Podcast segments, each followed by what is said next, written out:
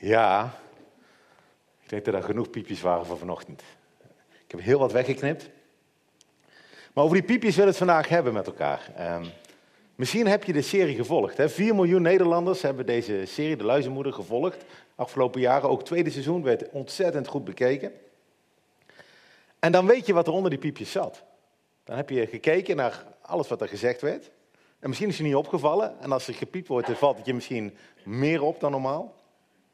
Er zaten wel de nodige vloeken, krachttermen en scheldwoorden onder die piepjes. En met name de, het karakter Ursula, die we net uh, zagen, die kon er wel wat van. We hebben nog een paar woorden laten staan, zodat er nog wat tekst overbleef. Heks en reet, hè? David, dat mocht niet, hè? Dat moet, nee, niet, zeker niet in de kerk. Maar daar wil het wel met elkaar over hebben vanochtend. Vloeken. Mag ik mezelf laten gaan, is het thema. Mag ik even stoom afblazen? Mag ik even me laten gaan? En waarom altijd dat gezeur over vloeken? De kritiek over vloeken komt eigenlijk maar van één groep mensen in Nederland. Eén clubje. En dan ook best wel intern. In het Reformatorisch Dagblad, intern krantje voor reformatorische christenen in Nederland, stond een artikel over uh, kritiek op grof taalgebruik in de tv-serie De Luizenmoeder. En in, in dat artikel roepen christenen op om niet meer te kijken naar de serie. En je snapt natuurlijk de reacties wel, want dit, werd natuurlijk ook, dit artikel werd natuurlijk ook weer genoemd op nu.nl en op andere media. Altijd weer die christenen die moeten zeuren over een goede serie. Altijd die christenen die het beter weten. Altijd die christenen die geen humor hebben en niet snappen dat dit uh, humoristisch bedoeld is. Altijd weer die christenen die, die met opgeheven vinger kritisch staan te vertellen wat een ander wel mag en wat een ander niet mag doen. De Bond tegen Vloeken, trouwens ook een christelijk clubje, heeft een open brief gestuurd naar de Avro-Tros. En het wat verpante van de reactie, en ze waren natuurlijk niet blij met het taalgebruik en ze wilden graag dat in het tweede seizoen er iets aan gedaan werd, maar ze waren het net te laat met het sturen van de brief, want het tweede seizoen was al gefilmd. De reactie van de AVRO vond ik heel frappant. Die zeggen, we hebben helemaal nog geen enkele klacht binnengekregen. Jullie zijn de eerste met jullie open brief. Op het einde van het eerste seizoen. En eigenlijk zegt dat heel veel. Ik weet niet of het waar is, hè, of die woordvoerder liegt, hè, dat zou kunnen. Maar ik kan me best voorstellen dat het intern, het Reformatorisch Dagblad, een grote discussie is. In het Nederlands Dagblad en, en misschien bij de EO op tv, dat een hele mooie discussie is. Maar dat niemand naar de Avrotros is gegaan en heeft gezegd, goh, oh dat mag ik niet zeggen, goh. Nee, iemand naar de, naar de is gegaan en zegt, ik vind het niet leuk. Ik, ik, ik stoor me aan het vloeken. Want als maatschappij kijken we hier heel anders tegenaan. Het stoort ons niet heel erg. Ik denk dat heel veel Nederlanders dit niet eens horen. En ik denk dat daarom juist in de luizenmoeder dat karakter van Ursula zo opgeblazen is. Die is continu aan het vloeken, omdat de luizenmoeder alles heel extreem doet. Zodat je erover kan praten, zodat we er vanochtend hier ook met elkaar over kunnen praten. Binnen christelijke kringen wordt hier ook vrij breed over gedacht. Eh, ik heb vrienden die hier ontzettend veel last van hebben. Die gaan naar een film of naar theater en als ze te veel horen, vertrekken ze gewoon. Kunnen ze 100 euro voor een kaartje betaald hebben, interesseert ze niet, dan gaan ze weg. Eh, ik heb vrienden die heel fel reageren op collega's als er gevloekt wordt. Ehm, en ook hun taak vinden om daar iets van te zeggen. Kom straks even op terug. Ik zelf moet eerlijk zeggen, ik merk het nauwelijks.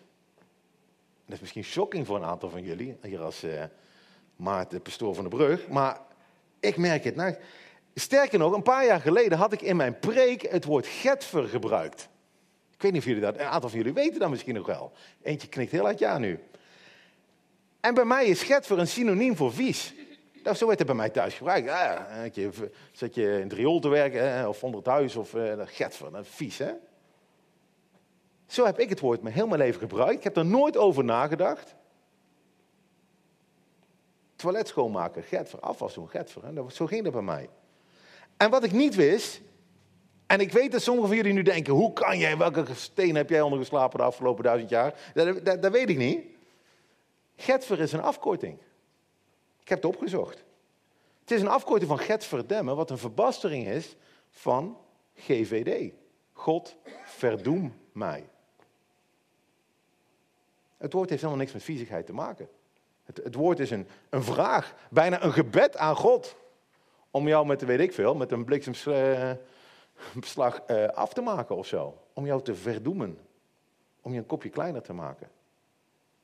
En sinds dat ik dat weet, staat dit woord niet meer in mijn preek, behalve dan vandaag. Um, voordat ze mij de vloekende pastoor gaan noemen, zo wil ik niet bekend staan natuurlijk, maar ik was daar niet van bewust. En hoe kan dat eigenlijk? Hoe kan het dat ik dat niet wist? Ik denk, en, mijn ouders zitten niet en ik ga ze ook niet de schuld geven, maar het heeft ook een stukje te maken met je opvoeding. En wat voor, hoe groei je op? Wat voor taalgebruik wordt er thuis gehanteerd? Um, wat voor taalgebruik ben ik gewend in de omgeving waar ik in me beweeg in Eindhoven, bij ASML of, of, of bij vrienden op feestjes? Want vloeken en ook krachttermen zijn allemaal aangeleerd. Dat zegt de Bond van Vloeken ook altijd, hè? de Bond tegen Vloeken. Dat ze aangeleerd zijn. Daarom hebben ze een papegaaitje in hun logo. De rotzooi die soms uit de monden van mijn kinderen komt.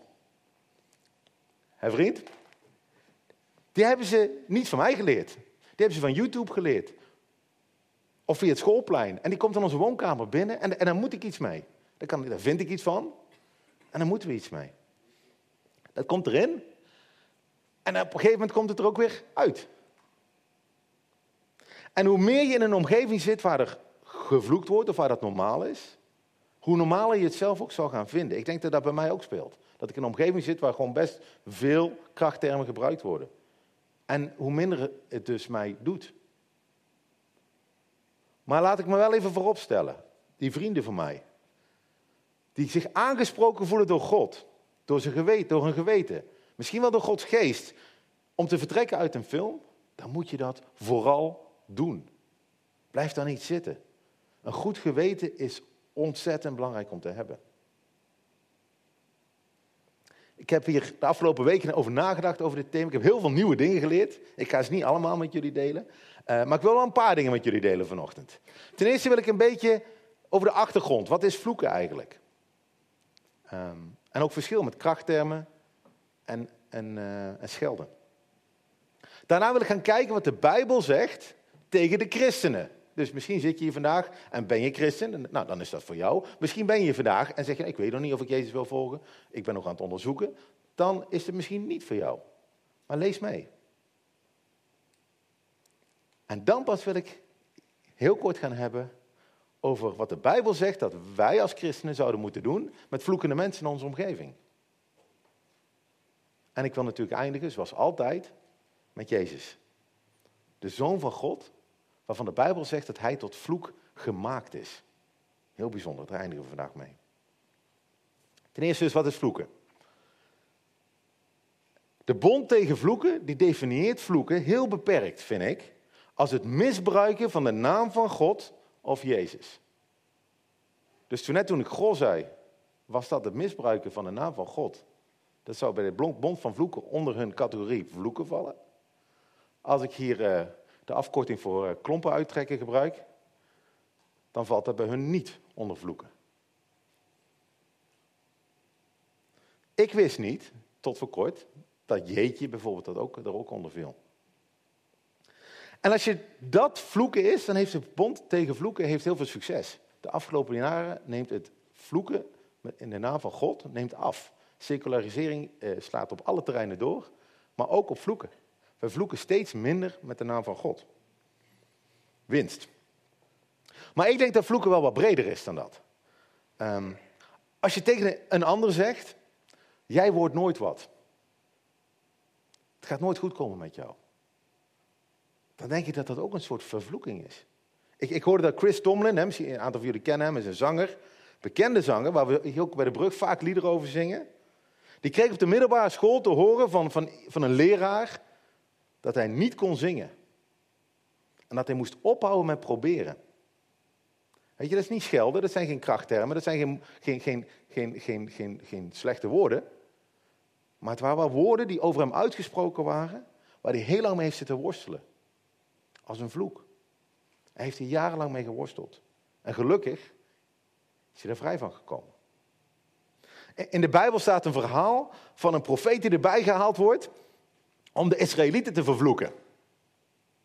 Maar God zorgt iedere keer dat in plaats van uit zijn mond een vloek komt, dat hij ze gaat zegenen. Dat hij goed over ze spreekt. En uiteindelijk vervloekt hij degene die hem de opdracht gaf. En het heeft gevolgen voor allebei. Wat hij zegt komt uiteindelijk ook uit. En ik denk dat wij soms niet beseffen wat het effect is van vloeken. Dat het veel groter is dan we denken. En daarom denk ik dat vloeken ook veel breder is dan alleen maar de naam van God misbruiken. Wat je veel meer ziet in de, in de, in de, in de luizenmoeder zijn schelden. Schelden en krachttermen. Schelden is iemand met woorden kwetsen of beledigen. Als je lerares van je kinderen een heks noemt, dan zeg je nou, heks is misschien niet een heel fout woord, hè? we hebben het ook niet weggepiept. Maar dan is dat gewoon schelden. Iemand raken met woorden. En ook dit kan diepe impact hebben op het leven van mensen. Zeker als je aan de ontvangende kant zit. Iedereen die gepest is op school, die weet hoe pijnlijk woorden kunnen zijn. Er is een meneer geweest, die heeft een onderzoek gedaan naar alle soorten schelden en vloeken. En die heeft dat zijn hele leven aan besteed, allemaal boeken over volgeschreven. Die meneer is dood inmiddels. En die kwam tot de conclusie dat we eigenlijk op drie terreinen schelden. Op religie, hebben we het net al een beetje over gehad. Ook familie, zoon van, jouw moeder is. En over je lichaam, inclusief alles wat eruit komt. Maar in Nederland zijn wij super uniek. En ik weet niet of we daar trots op moeten zijn. Maar wij zijn heel uniek. Wij schelden met ziektes. Zelfs ziektes die al, eigenlijk al, al voorbij zijn. Wij wensen mensen ziektes toe. Ik denk niet dat we daar trots op moeten zijn. Ik weet ook niet hoe dat gekomen is. Ik probeer te achterhalen waarom wij daar als Hollanders nou zo uniek in zijn. Dat je mensen cholera toewenst of... Uh, ik, ik, weet het niet, maar, maar we doen het. In, uh, dit van Quest, hè? Dat is een uh, interessant artikel. Um, er staan tien dingen in die je nog niet wist. Uh, dit is nummer één, dat we dus schelden met ziektes. We hebben ook nog krachttermen. Dat is gewoon grof taalgebruik die niet specifiek gericht is op een ander, maar gewoon om je woorden, gewoon hè, om je woorden kracht bij te zetten. Um, uit het artikel van Quest bleek dat als je krachtterm gebruikt, dat dat goed voor je was. Er staan hele artikelen op internet, hè, dat vloeken heel goed is, dat het rust geeft, dat, dat je meer dingen kan.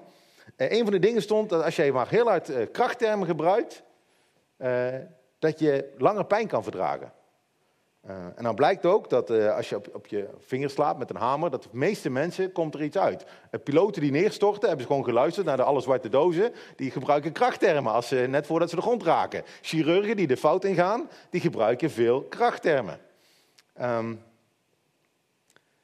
maar, en dat vond ik wel heel interessant, dus ze hadden hier bij Quest het onderzoek gedaan zet iemand met een eh, hand in ijskoud water en op een gegeven moment gaat dat jeuken, gaat dat pijn doen. En als je dan maar hard genoeg schold, dan kon hij langer met zijn hand in dat water blijven dan iemand die, die, die niet aan het schelden was. Maar als je dan weer door gaat vragen en door gaat kijken, hebben ze weer ander onderzoek gedaan. Als je denkt aan een tafel, heel goed denkt aan een tafel en heel hard hout roept, kon je net zo lang met je hand in die bak blijven als degene die uh, andere afkortingen of korte of drie letterwoorden gebruikte. Hetzelfde effect. Blijkbaar is het niet zozeer de krachtterm, maar is het gewoon dat je een deel van je hersenen gebruikt voor iets anders. Nou, denk aan een tafel en je gebruikt het verbaal om te uiten. Hout, hout, hout, hout, hout. En dan gaat het beter. Dus, je hoeft geen chips te zeggen. Je mag ieder woord uit het woordenboek kiezen. En misschien kan je een betere kiezen dan de dingen die ASML maakt. Of de machines die ASML maken. Dus we hebben het over vloeken, we hebben het over schelden, we hebben het over krachttermen. Maar wat zegt de Bijbel daar nou eigenlijk over? Nou, ten eerste denk ik, als christenen, is heel belangrijk, worden we opgeroepen om te zegenen. Dat is weer zo'n lekker christelijk woord, zegenen. Zegenen is eulogie, hè? eu is goed, logos is uh, woord. Goede woorden spreken. En niet om te vloeken of om slechte woorden te, te spreken. Paulus uh, was een van de eerste meneren die in Europa kwam om kerken neer te zetten. En had een kerk neergezet in Efeze in Turkije. En hij schreef dit. Hij zei, laat er geen vuile taal uit uw mond komen, maar wel iets goeds. Wat nuttig is tot opbouw, opdat het genade geeft aan hen die het horen. Dat is heel mooi, hè? Als je naar de afgelopen week kijkt, hoe vaak, hoe vaak heb, heb je dit gedaan? Ik moet zeggen dat het niet heel gemakkelijk is om altijd geen vuile taal uit je mond te laten komen, maar altijd iets goeds dat nuttig is tot opbouw. Ik denk dat we ons allemaal wel een keer betrappen op, op dat, dat zomaar iets uitvloept. En de vraag is, waar komt dat vandaan? Jezus zegt dit. Jezus zegt, uit de overvloed van het hart spreekt de mond. De goede mens brengt goede dingen voort uit de goede schat van het hart. En de slechte mens brengt slechte dingen voort uit de slechte schat. Maar ik zeg u dat de mensen van elk nutteloos woord dat zij spreken, dat ze zullen spreken, rekenschap moeten geven op de dag van het oordeel. Dat is best heftig, de laatste zinnetje. Maar hij begint met, wat uit onze mond komt, zit al eigenlijk al in ons hart. Daarom zongen we vanochtend ook, create in me a clean heart. Als ons hart van binnen oké is, als we gevuld zijn met de geest van God, dan komen er mooie dingen uit onze mond. En Jezus eindigt net, daar kom ik zo meteen op terug, dat van alles wat we zeggen we uiteindelijk rekenschap moeten geven. Dat is best heftig, als je erover nadenkt. De broer van Jezus, Jacobus, die onderschrijft dit. Die zegt, de tong kan geen mens temmen. Ze is een niet te bedwingen kwaad, vol dodelijk vergif. Door de tong loven we God de Vader. En door haar vervloeken we de mensen die naar de gelijkenis van God gemaakt zijn. Uit dezelfde mond komt zegen en vervloeking voort. Dit behoort niet zo te zijn, mijn broeders en zusters. Laat soms een bron uit dezelfde ader zoet en wit bitter water opwellen. Kan ook een vijgenboom olijven voortbrengen of een wijnstok vijgen? Natuurlijk niet. Evenmin kan een bron zout en zoet water voortbrengen. Jacobus zegt, onze tong is vol dodelijk vergif. En dat die bron van dat vergif in ons zit. Dus wat zegt taalgebruik eigenlijk over wat er in onze binnenkant gebeurt? En de Bijbel is helder hier. Hè? Bouw elkaar op, spreek mooie dingen uit. Laat geen vuile, tijd, vuile taal uit je mond komen. En Jacobus gebruikt hier het woordje dodelijk. En misschien vind je dat een beetje overdreven. Hè? Het zijn toch maar woorden? Hoe kan het nou dodelijk vergif zijn? Sommige mensen zeggen schelden doet geen pijn. Ik geloof daar niks van. Woorden doen veel meer dan je denkt. Ook daar is de Bijbel duidelijk over. Salomo, de, wijze koning, de zoon van koning David, schrijft: Een zacht antwoord keert woede af, maar een krenkend woord wekt toorn op. En dood en leven zijn in de macht van de tong. Wie hem lief heeft, zal de vrucht ervan eten. Beide kanten, hè? dood en leven in de macht van de tong. Woorden zijn enorm krachtig. Woorden kunnen krenken. Dood en leven zijn in de macht van de tong. Ik wil twee minuten iets doen wat ik een paar keer geleden heb gedaan. Ik wil jullie even, even stoppen, want ik kan doorpraten, dat weet u allemaal heel goed. Even een paar minuten pakken. Ik heb twee vragen. Waar je even met je buurman, en als je geen buurman hebt, dan zoek er even eentje. Kan je je herinneren dat iemands woorden je echt blij maakten? En kan je ook herinneren dat iemands woorden je echt pijn deden?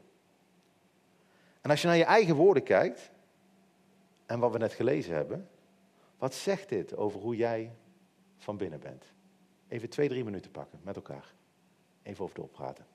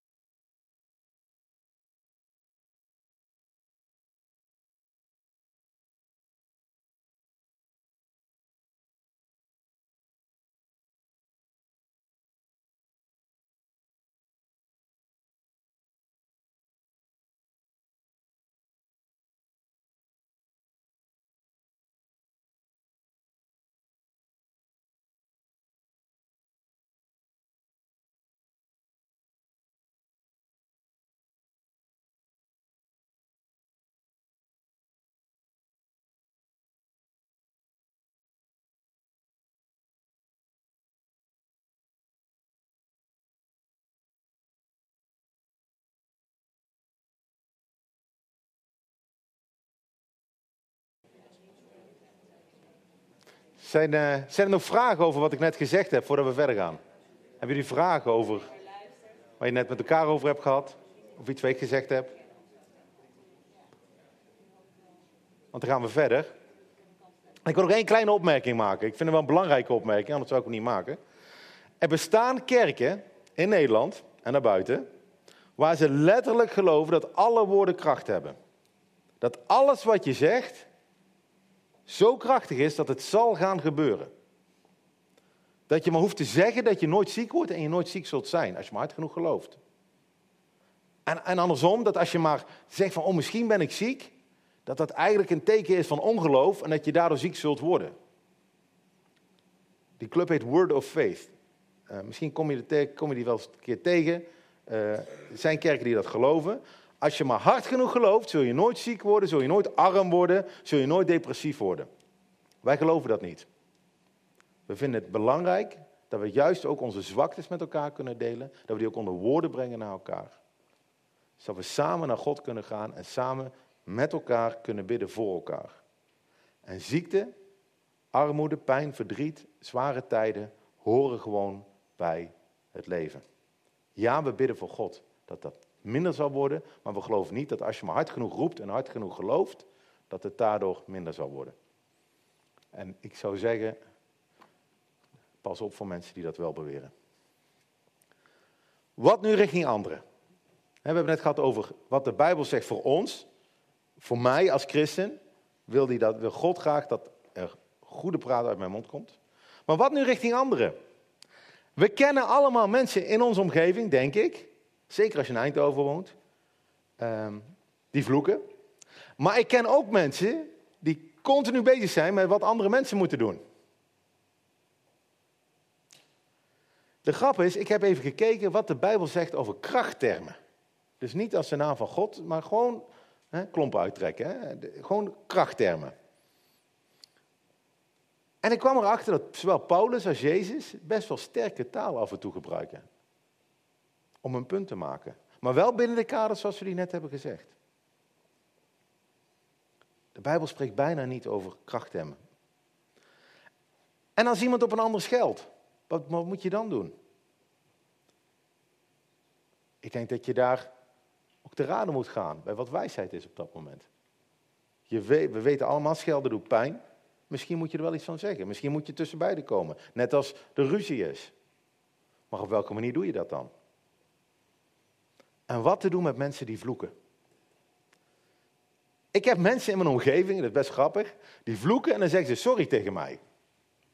Ze hebben net iets aan God gevraagd. God verdoem mij. En dan zeggen ze sorry tegen mij.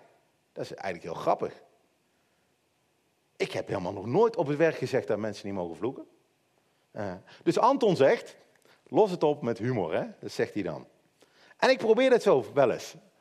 Als mensen zeggen sorry tegen mij, zeg ja, jij vraagt iets aan God. Daar heb ik helemaal niks mee te maken. Ik, ik hoop dat God niet naar jou luistert vandaag. Um, er zijn mensen die roepen continu eh, de naam van Jezus op het werk. Ik zeg, goh, je, je praat meer over Jezus dan ik. Dat vind ik wel bijzonder op het werk. Ik kijk ze me raar aan. En ik heb gemerkt dat maar mensen vaak niet eens weten wat ze zeggen. Heel veel komt voort uit onwetendheid. Ik ben blij dat mensen tegen mij gezegd hebben wat Getver betekent. Onder vier ogen. Anders had ik het nooit geweten. Maar ik ben ook realistisch genoeg om te weten dat heel veel mensen het niet interesseert. Dat ze termen gebruiken waarvan ze niet, misschien wel weten wat die, wat die betekenen. Maar dat zit er gewoon in. Koning Salomo, opnieuw, heel duidelijk, met een wijsheid, spreuken. Wijs een spotter niet terecht, anders zal hij u haten. Wijs een wijze terecht en hij zal u lief hebben. Hmm. Hij zegt, wat bereik je ermee om mensen terecht te wijzen die er niet voor openstaan? God kan voor zichzelf opkomen. Daar heeft hij mij en jou ook niet voor nodig. Je mag voor jezelf goede bijbelse kaders hebben, daar ben ik ook voorstander van. Maar dat betekent niet dat iedereen in je omgeving die zal hebben. Zelfs koning David zegt in een van zijn psalmen, zegt hij, laten ze maar vloeken, als u maar zegent. Laat die mensen maar doen. Zolang God mij maar zegent, zegt hij. En ik, hij zegt, ik weet het wel beter. Ik weet wel wat het beste voor mij is. Ik weet, denk zelfs te weten wat het beste voor die ander is. Maar ik laat het erbij. Ik geef het terug aan God. Ik hoorde gisteren iemand die zei, als ik mensen wil vloeken in mijn omgeving, dan ga ik automatisch voor ze bidden. In gedachten, ik denk niet hardop, ik denk niet meteen een hand opleggen. Hè, dat hoeft allemaal niet. Maar draai het om. Draai die vloek om tot zegen voor die persoon. In een vriendschap is dat denk ik anders. Als je vrienden hebt waar je gewoon die kent, als je een relatie hebt met iemand, dan mag je mensen best op wijzen. Van, wat jij zegt, dat stoort mij. Kan je daar. En, en misschien ook uitleggen waarom het je stoort. Niet de, want dat mag niet in de Bijbel, want daar heeft die ander misschien helemaal niks aan. Maar ik vind het vervelend dat je iedere keer vraagt of God jou, uh, jou doodmaakt of zo. Ik vind het heel vervelend om, om, om daar, daarmee om te gaan. Dan mag je elkaar aanspreken, denk ik. Op eh, gedrag, op taalgebruik, ook op keuzes die we met elkaar maken. Maar dan doe je het uit liefde voor de ander. Niet omdat je het beter weet, niet omdat je een opgeven vingertje hebt, niet uit correctie, maar uit liefde. En laat liefde onze motivatie zijn als we met dit soort dingen te maken hebben. Met mensen in onze omgeving.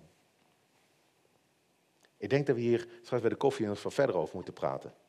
Want misschien ben je het helemaal oneens met mij hierover. Uh, maar nogmaals, bij ASML, ik heb nog nooit tegen iemand gezegd dat hij iets niet mag zeggen. En toch zeggen mensen, sorry, of, of dat mag niet, hè? Of jij mag dat, dat is nog grappiger. Zeggen ze tegen mij dat ik iets niet mag. Ik denk, hoe weet je dat? Waarom denk je dat? Dus ik denk als je je licht een beetje laat schijnen, dat mensen wel iets voelen en toch misschien wat bewuster worden van hun taalgebruik. Ik wil eindigen met een moeilijke tekst uit de Bijbel, maar een hele belangrijke tekst uit de Bijbel. En normaal pakken we altijd één stukje Bijbel. Ik ben nou een beetje aan het springen door de Bijbel. Ik hoop dat je, dat je die niet vervelend vindt. Maar een heel belangrijke tekst die ook Paulus opgeschreven heeft aan, aan de gemeente in Galatië. Ehm, hij zegt dit. Hij zegt, Christus heeft ons vrijgekocht van de vloek van de wet door voor ons een vloek te worden. Weet je, we spreken in de brug heel veel over Jezus. Hè? Omdat we geloven dat Hij de Zoon van God is, die gekomen is om onze zonden, onze overtredingen op zich te nemen. En, en dat staat hier ook. Wij zijn vervloekt door de regels van God eigenlijk, door de wet. Want niemand van ons kan zich aan al die dingen houden. Zelfs als je je vandaag voorneemt, ik ga nooit meer een slecht woord uit mijn mond. Ja, voor het einde van de dag komt er in ieder geval gedachte bij je op, geloof ik. Niemand van ons kan zich aan de regels houden. En als Jezus dan tegen ons zegt dat we rekenschap moeten geven van elk nutteloos woord wat we spreken, wie van ons kan dan nog staan? Jezus heeft iedere vloek die wij uitspreken, ieder fout woord, iedere gedachte, ieder moment op zich genomen. Maar dat is niet alleen, hier staat nog veel meer. Hier staat, hij is tot vloek geworden. En wat betekent dat? Dat hij aan dat kruis vervloekt werd, verlaten werd, dat God hem in het donker alleen gelaten heeft. Dat hij veroordeeld werd voor alles wat hij niet gedaan heeft. Dat God hem de rug toedraaide. En dat hij werd overgeleverd in een geestelijke oorlog. En op het negende uur riep Jezus, Eloi, Eloïs, lama sabachthani. En dat betekent, mijn God, mijn God, waarom hebt u mij verlaten? Jezus wordt alleen gelaten. Als vloek hangt hij aan het kruis. En waarom? Zodat als wij straks voor de troon van God staan, wij geen rekenschap meer hoeven af te leggen. Omdat Jezus voor ons, in onze plaats, tot vloek geworden is. Alles wat we gezegd hebben, alles wat we gedaan hebben, alles wat we gedacht hebben, is aan dat kruis genageld. Zodat ik vanochtend hier tegen iedereen die hier zit, die dat gelooft, het omgekeerde mag zeggen van wat ik net over Jezus zei. Namelijk, mogen de Heer u zegenen en u beschermen. Mogen de Heer het licht van zijn gelaat over u doen schijnen. Mogen hij genadig zijn. Mogen God u zijn gelaat toewenden en u vrede geven. Ik kan, We hebben zegen in plaats van vervloeking, bescherming in plaats van achterlating, licht in plaats van duisternis, genade in plaats van veroordeling. De aanwezigheid van God in plaats van de afwezigheid, het verlaten van God. En we hebben vrede in plaats van oorlog. En ik hoop dat we dit mogen realiseren iedere keer als we onze mond open doen. En laten we genadig zijn voor de mensen om ons heen, voor wie dit misschien totale dwaasheid is. Laten we bidden. Heer God, u heeft ons een tong gegeven. Met als doel om u te eren, om u te prijzen, om u te danken. En zoals Jacobus zegt, gebruik onze tong ook om de mensen om ons heen die gemaakt zijn in uw beeld, die op u lijken, te vervloeken. Heer, het komt van binnen. Waar het hart vol van, van is, loopt de mond van over. Ik bid, Heer, wilt u ons hart veranderen? Door uw geest. Heer, dank u dat u uw zoon Jezus gestuurd heeft naar deze aarde om voor ons tot vloek te worden, om voor ons te sterven aan het kruis, zodat wij vrij zijn, zodat we vrede hebben, zodat we vrijheid hebben. Heer Jezus, help ons. Door uw geest, overtuig ons van zonde, overtuig ons van overtreding, overtuig ons van de woorden die wij gebruiken. De scherpte van onze taalgebruik. En help ons om meer op u te lijken. Heer, als we de komende weken, komende week, Heer, wilt u ons erop wijzen. Iedere keer als onze mond open gaat en we dingen zeggen die niet opbouwend zijn. En tot eer van u. Ons, ga met ons mee, Heer. Amen.